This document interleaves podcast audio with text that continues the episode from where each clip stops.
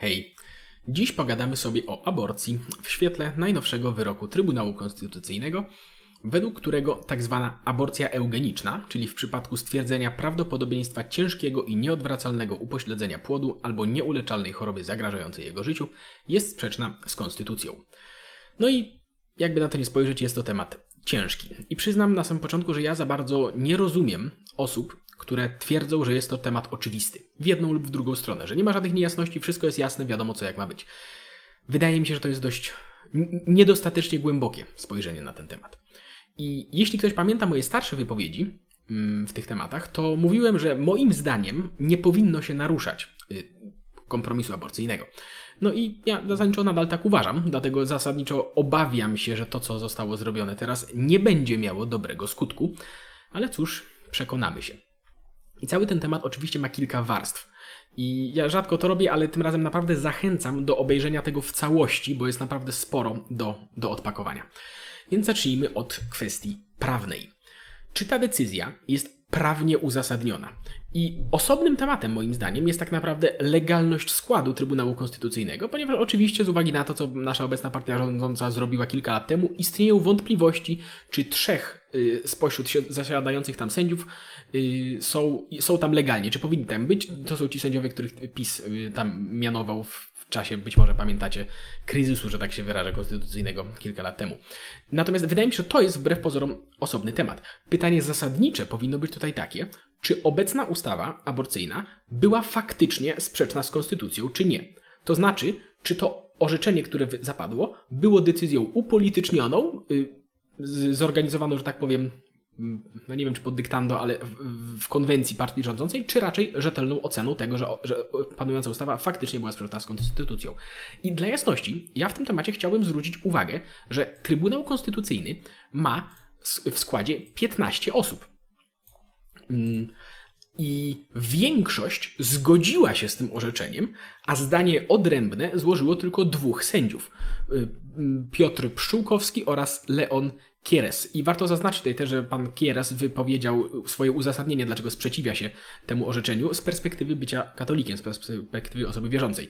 Nie zgadzał się na, y, na zanegowanie obecnych przepisów, też to myślę, że warto zaznaczyć.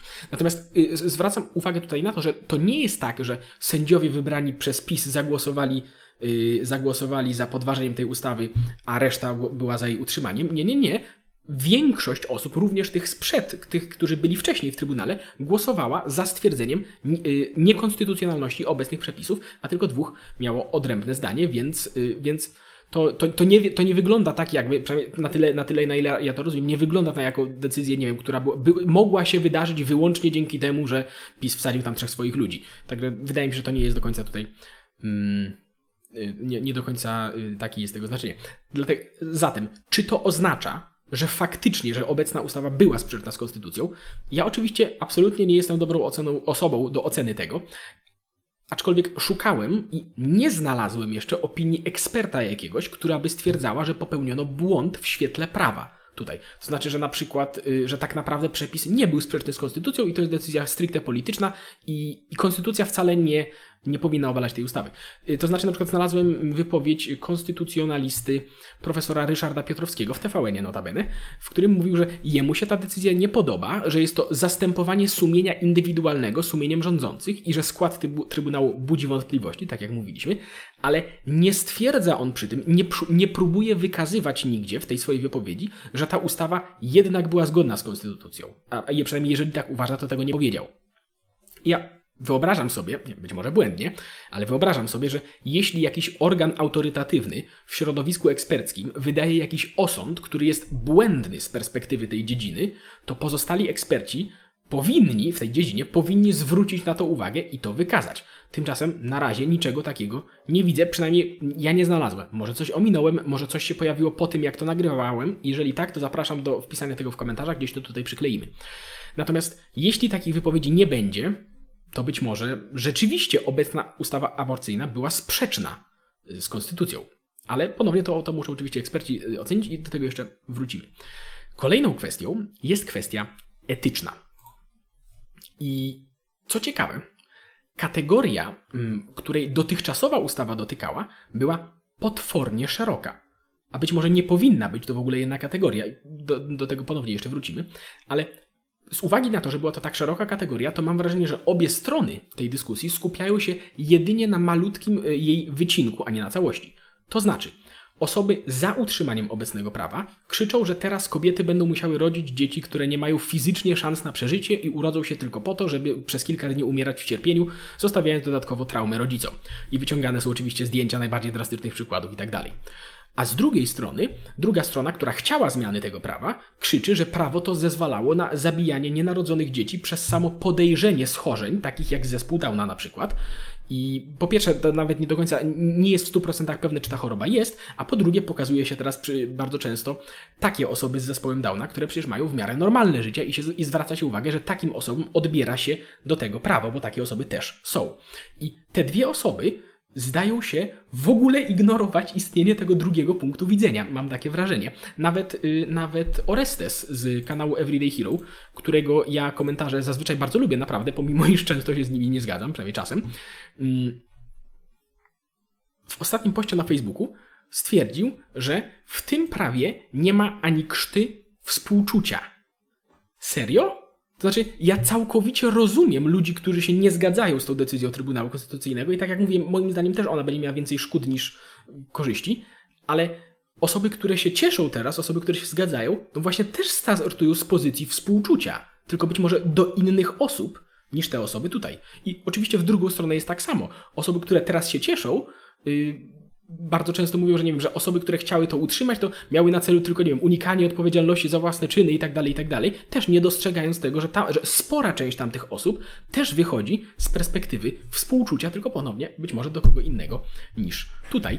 I, i to nie jest po prostu takie proste, jakby się chciało nam wydawać moim prywatnym zdaniem. Ja mogę oczywiście powiedzieć, co ja myślę na temat dwóch tych yy, postaw i dwóch tych przypadków, ale zaznaczam, że to jest oczywiście tylko moja opinia kwestia schorzeń, które zakończą się śmiercią dziecka niedługo po porodzie, albo dają marginalne szanse na przykład na przeżycie. I to też jest coś, co ja już mówiłem w poprzednich filmach, ale tutaj mogę powtórzyć. To znaczy, jeśli że lekarz orzeka z uzasadnionym przekonaniem eksperckim, że takie schorzenie jest, i na przykład możemy wziąć przykład, no radykalny oczywiście, weźmiemy dla, dla, dla przykładu, na przykład brak czaszki, tak? I na obecny stan medycyny, jeśli dziecko się urodzi, jeśli nawet w ogóle się urodzi, to po prostu umrze boleśnie. To jest sytuacja, w której i tak będzie tragedia. Nie ma opcji. Pytanie tylko, jaka tragedia będzie? Czy będzie to tragedia taka, że y, dziecko urodzi się i umrze w bólach, dostarczając dodatkowo traumy rodzicom, czy taka, że z zewnątrz zakończymy życie tego dziecka wcześniej? To znaczy i tak źle, i tak niedobrze. I ja rozumiem, że można powiedzieć, że jedna z tych opcji jest mniej zła niż druga, ale chyba wcale nie jest oczywistym, która jest która, i to też chyba bardzo zależy od konkretnego przypadku. Więc być może lepiej w takiej sytuacji zostawić te decyzje rodzicom, żeby oni sami zadecydowali, w której tragedii będą chcieli, nie będą chcieli, ale w której będą musieli uczestniczyć, bo w, nie, bo w którejś niestety będą musieli, nie ma wyjścia. I w takich sytuacjach można wyłącznie tylko chyba liczyć sobie na cud. I dla jasności, jeśli ktoś chce liczyć na cud, okej, okay, na tym świecie naprawdę dzieją się czasem rzeczy absolutnie niespodziewane. Ale jednocześnie naprawdę uważam, że nie powinien funkcjonować, że nie powinno się zmuszać ludzi do liczenia na cud. No, to nie jest chyba radykalne stwierdzenie. I dlatego mi się wydaje, że nie powinien funkcjonować zakaz aborcji w takich przypadkach. Ponieważ no, z tego powodu, którego wyjaśniłem. Z drugiej strony, dotychczasowe prawo rzeczywiście zezwalało na aborcję w przypadku samego podejrzenia wielu innych schorzeń. Na przykład schorzenia takiego jak zespół Downa. I to jest oczywiście poważny stan, ale to nie jest stan, w którym dziecko umrze w cierpieniach trzy dni po porodzie. To nie jest w ogóle ten, ten stan, to nie jest ta sama kategoria w ogóle. I zespół Downa ma, ma, ogólnie bardzo szerokie spektrum, tak? Są ludzie, którzy rzeczywiście całe życie potrzebują ścisłej opieki, są w ogóle niesamodzielni i tak dalej, ale są też tacy, którzy są w miarę samodzielni, mają normalne życie, normalną pracę i tak dalej, i tak. Możecie sobie obejrzeć na przykład film mm, Życie jest piękne na kanale Tomasza Samołyka, gdzie y, jest y, relacja takiej właśnie osoby, która no, ma zespół Downa i ma normalne życie, jest produktywnym członkiem społeczeństwa i cieszy się, że żyje, cieszy się, że nie odebrano jej tego, tego prawa. Ale to, a dodatkowo mm, ta ustawa obecnie pozwalała na aborcję nie tylko w przypadku zespołu Downa, ale również wielu mniej poważnych chorób, takich jak na przykład zespół Turnera, który w ogromnej większości przypadków pozwala na zasadniczo normalne funkcjonowanie. Opóźnienie umysłowe występuje w nim tylko w 5% przypadków, a poza tym są to zjawiska takie jak niski wzrost albo słabo zaznaczone cechy żeńskie, ponieważ to dotyka wyłącznie dziewczynek i w większości przypadków bezpłodność. Ale to nie są rzeczy, które nie pozwalają mieć życia. I w tym temacie można sobie także obejrzeć y, taki filmik Poznaj zespół Turnera, gdzie to jest taki króciutki wywiad z osobą, która to ma i ponownie normalnie żyje i nie, nie ma, i oczywiście ma pewne utrudnienia, ale, ale ma normalne życie. I dotychczas wśród przerywanych ciąż były również takie osoby. I nawet ograniczając się tylko do tej kategorii, no to, to jak to wygląda? Jaka jest argumentacja tutaj? No, są osoby, które będą miały bardzo trudne życie i będą obciążeniem dla innych osób, i nie chcemy, żeby te osoby w ogóle miały życie w takim wypadku.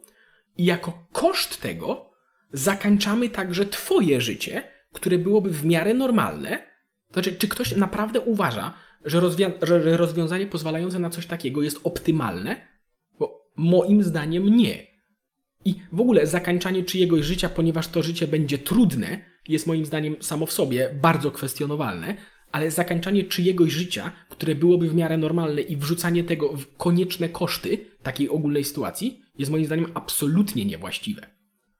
I mając to na uwadze, tak jak, tak jak mówiłem już w kilku poprzednich filmach, moim zdaniem, też patrząc na to szerzej, lepiej byłoby najpierw zmienić świadomość społeczną w tym temacie, popracować nad zmianą świadomości społecznej, a dopiero potem ewentualnie zastanawiać się nad zmianą prawa.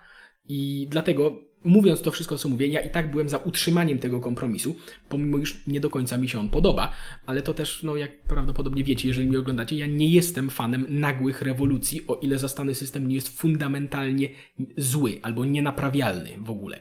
I, a w tym wypadku wydaje mi się, że tak nie jest, bo celem nie powinno być zrobienie takiego prawa, żebyśmy my się dobrze czuli, tylko w tym wypadku celem powinno być doprowadzenie do tego, żeby nie zabijano nienarodzonych dzieci z zespołem Downa, tak? A obawiam się, że zmiana taka jak zaszła teraz na przykład, bez zmiany świadomości społecznej, w momencie kiedy wiecie, wycieczka na Czechy to jest wyjazd na pół dnia, wydaje mi się, że to wcale nie sprawi, że będzie mniej aborcji w tych przypadkach. Może się mylę, ale wydaje mi się, że to nie, że nie będzie po prostu jakiegoś szczególnego plusu z tego całego, z tego całego tematu. Ale tak jak mówię, zobaczymy. I to z kolei przenosi nas do kwestii kolejnej, czyli do kwestii społecznej. Bardzo często słyszy się taki argument, że konserwatyści są zatroskani dzieckiem do porodu, a potem już się niech, niech się z nim dzieje wszystko jedno. I są dwa aspekty tego. Po pierwsze, to znaczy z jednej strony to jest przykład takiego raczej bezmyślnego robienia kalki z haseł rzucanych w USA, gdzie konserwatyści chcą faktycznie małego rządu i ograniczenia świadczeń socjalnych. Ale w Polsce, znaczy serio nie wiem, czy konserwatyści w Polsce są w jakiś sposób y, z zasady przeciwni pomocy społecznej? No przecież wybrali PiS, więc chyba, chyba nie. Więc wydaje mi się, że ten argument nie działa tutaj tak samo mocno jak w USA, bo są po prostu inne realia polityczne. Ale jednocześnie faktem jest, że osoby w różny sposób niepełnosprawne, upośledzone i tak dalej, oraz ich rodziny potrzebują pomocy. I to, na co ten argument próbuje zwrócić uwagę, tak co do zasady, jest słuszne to znaczy, razem z argumentem nie powinno się przerywać ciąży z powodu wad płodu, powinien koniecznie iść argument osobom, które mają takie dzieci, trzeba pomóc, trzeba udzielić pomocy, zwłaszcza jeżeli ktoś jest na przykład chrześcijaninem, to ma moralny obowiązek troski o osoby, które są poszkodowane na przykład w taki sposób. I dla jasności, to nie musi być koniecznie pomoc rządowa, znaczy może, ale nie musi, to jest osobny, te, osobny temat, osobna dyskusja, ale jeśli mamy sytuację, że obecna pomoc rządowa dla osób niepełnosprawnych jest niedostateczna, a chyba są argumenty za tym, że tak właśnie jest, to jest masa fundacji, które na przykład zajmują się pomocą takim osobom. Są to fundacje prywatne, zarówno kościelne, jak i świeckie, tak, do wyboru, do koloru. I wszystkie te fundacje potrzebują środków finansowych, potrzebują wolontariuszy, potrzebują zaangażowania innych osób i można się angażować w pomoc takim osobom bez uciekania się do rządowej redystrybucji, jeżeli ktoś ma z tym problem. I wydaje mi się, że obecne wydarzenia są też dobrym momentem, żeby przypomnieć i sobie, i ludziom, że taka pomoc jest potrzebna i warto się w nią angażować. Także tutaj, na tej warstwie, ten argument jest jak najbardziej zasadny. I. No i na koniec y, jest jeszcze oczywiście nieunikniony wymiar polityczny. Po pierwsze, ja naprawdę nie sądziłem, że to się wydarzy, szczerze mówiąc, naprawdę, ale no ewidentnie się myliłem. Kolejno, z perspektywy politycznej jest to zasadniczo ciekawy ruch i jeżeli ktoś się zastanawia, dlaczego akurat teraz się to dzieje, no to i dla, i dla jakiego tematu ma to być temat zastępczy, to oczywiście w międzyczasie wprowadzono kilka nowych ustaw antykowidowych, prawda, i z nowymi obostrzeniami i regulacjami dotyczącymi tych obostrzeń, między innymi nakładającymi na obywateli, cytuję, obowiązek stosowania się Stos, przepraszam, jeszcze raz. Nakładania, nakłada na obywateli, cytuję, obowiązek stosowania określonych środków profilaktycznych i zabiegów. Nie wiem, czy to otwiera drogę do przymusu szczepień na COVID? W sensie szczepionki są spoko, naprawdę, ale może budzić pewien niepokój to w kwestii y, szczepionek, które na przykład fizycznie nie miały czasu być dokładnie przetestowane. I czy to otwiera drogę do przymusu również na przykład w takich wypadkach? Znaczy ja nie mówię, ja tylko nie mówię, że to będzie na pewno problem, tylko tak zaznaczam punkt, którym warto się przyjrzeć. Natomiast tak jak mówię, jest oczywiście to w pewien sposób również temat zastępczy. To jest jedna sprawa. A kolejno, jeśli, tak jak mówiliśmy, mm, niezależnie od tego, czy obecny skład Trybunału jest właściwy, czy nie, to czy faktycznie obecne przepisy były sprzeczne z konstytucją? Bo jeśli tak, to czy te środowiska, które nie tak dawno głośno krzyczały, żeby bronić konstytucji, teraz będą chciały ją koniecznie zmienić? No, być może. Tak to trochę wygląda. A w tym temacie też warto zaznaczyć, że często się mówiło, że nie wiem, że nie powinno się tego ruszać, bo jak przyjdzie kolejna ekipa, to żeby to odkręcić, to całkowicie zliberalizuje prawo aborcyjne. Ale teraz, czy to się w ogóle da odkręcić w momencie, gdy zostało to zrobione w ten sposób? Bo chciałbym przypomnieć, że orzeczenia Trybunału Konstytucyjnego mają moc powszechnie obowiązującą i są ostateczne. To znaczy, jak to można w tym momencie prawnie odkreślić? Czy trzeba by zmienić konstytucję? No, a nawet jeśli PiS przegra kolejne wybory, prawda, i będzie bardziej postępowa ekipa, to czy ta ekipa będzie miała yy, większość konstytucyjną, albo będzie w stanie stworzyć koalicję, która się pod takimi zmianami podpisze? Wątpię. A jeżeli nie zmiana konstytucji, to co? anulują wszystkie orzeczenia Trybunału w obecnym składzie? Czy w ogóle, bo, bo, trzeba byłoby chyba coś takiego zrobić. A czy Sejm w ogóle ma taką możliwość? Czy, czy, to się, czy to się da zrobić? Ja nie wiem, ja się na tym nie znam, no ale no to tylko wygląda, to, to tylko jest kolejny efekt tego, że no to, co nam zafundował PiS kilka lat temu z Trybunałem, no wywoła prawdopodobnie, bardzo możliwe, że wywoła, wywoła kryzys prawny, który się będzie ciągnął przez kolejne 10 lat. Nie wiem, ja się na tym nie znam, ale, ale warto też to po prostu od tej strony mm, zaznaczyć. I warto zwrócić uwagę też na jeszcze jedną rzecz. Orzeczenie określiło, orzeczenie Trybunału, że obecna ustawa aborcyjna jest niezgodna z konstytucją. I co dalej? Bo nie, to nie znaczy, że nie da się napisać nowej. Tak jak mówiłem wcześniej, obecna ustawa nakreślała bardzo szeroką kategorię. To znaczy, gdy badania lub inne przesłanki medyczne wskazują na duże prawdopodobieństwo ciężkiego i nieodwracalnego upośledzenia płodu albo nieuleczalnej choroby zagrażającej życiu. To jest potwornie szeroka kategoria, ponieważ do niej wpadają zarówno, tak jak mówiliśmy, na przykład osoby z bezmózgowiem, jak i osoba z zespołem Turnera, która miałaby zasadniczo normalne życie z pewnymi niedogodnościami. I dlaczego ta kategoria jest tak szeroka? Może nie powinna być. Być może w świetle tego da się napisać nową ustawę, która jako możliwą przyczynę ustanowiłaby na przykład przypadek, gdy lekarz ustali, że dziecko nigdy nie osiągnie możliwości przeżycia poza organizmem matki. To znaczy, że nawet jeśli się urodzi, to zaraz po porodzie umrze. I to, z tego co rozumiem, wpasowywało się w ten przypadek, yy, tych, no, tych, ten przypadek, który opisywaliśmy co do którego wygląda na to, że większość osób, która się sprzeciwia obecnej zmianie, jest najbardziej zatroskana o ten przypadek, ale jednocześnie uwzględniałoby to obecne orzeczenie, ponieważ obecne orzeczenie uznało, że niekonstytucjonalne jest stwierdzenie abor y, zatwierdzenie aborcji w samym przypadku wystąpienia wad, ale to nie znaczy, że y, tak samo niekonstytucyjne byłoby y, orzeczenie aborcji w, w, sytuacji wad uniemożliwiających życie samodzielne. Bo tak jak mówię, takie rzeczy jak na przykład zespół Turnera, prawda, czy inne tego typu schorzenia, takie nie są. Więc być może dałoby się to po prostu zmienić i odnieść się do tego, czego się najbardziej, czego się obie strony w tym momencie najbardziej obawiają. Ja absolutnie nie mówię, że to jest doskonały pomysł. Na pewno to, co ja powiedziałem, dałoby się ująć bardziej precyzyjnie, bo ja się na tym nie znam, ale być może jest jakiś punkt, z którego osoby, które się na tym znają, mogłyby, nie wiem, dalej popracować i pociągnąć to w jakimś konstruktywny sposób. I to tyle. Tak jak mówiłem, temat jest trudny, więc za, oczywiście zapraszam do w miarę możliwości kulturalnej dyskusji w komentarzach i do zastanowienia się, co dalej, bo jak już emocje opadną, to sobie wszyscy przypomnijmy, że nadal żyjemy w jednej Polsce i prawdopodobnie dobrze by było, gdybyśmy się nie zaczęli zabijać na ulicach w najbliższej przyszłości, więc yy, trzeba znaleźć jakiś sposób na pójście dalej. I jest bardzo szeroki wachlarz tego, co w tym temacie zrobić i zachęcam po prostu do wspólnego szukania, jaka ta droga mogłaby być. No i to wszystko. Jeżeli uważacie, że to jest ciekawy materiał, to możecie go udostępnić komuś dalej, bo być może, być może brakuje, nie wiem, być może brakuje spokojnego. Mm, mam nadzieję, że spokojny był ten materiał, być może brakuje takiej perspektywy, więc zapraszam. No i to tyle. Do usłyszenia. Hej.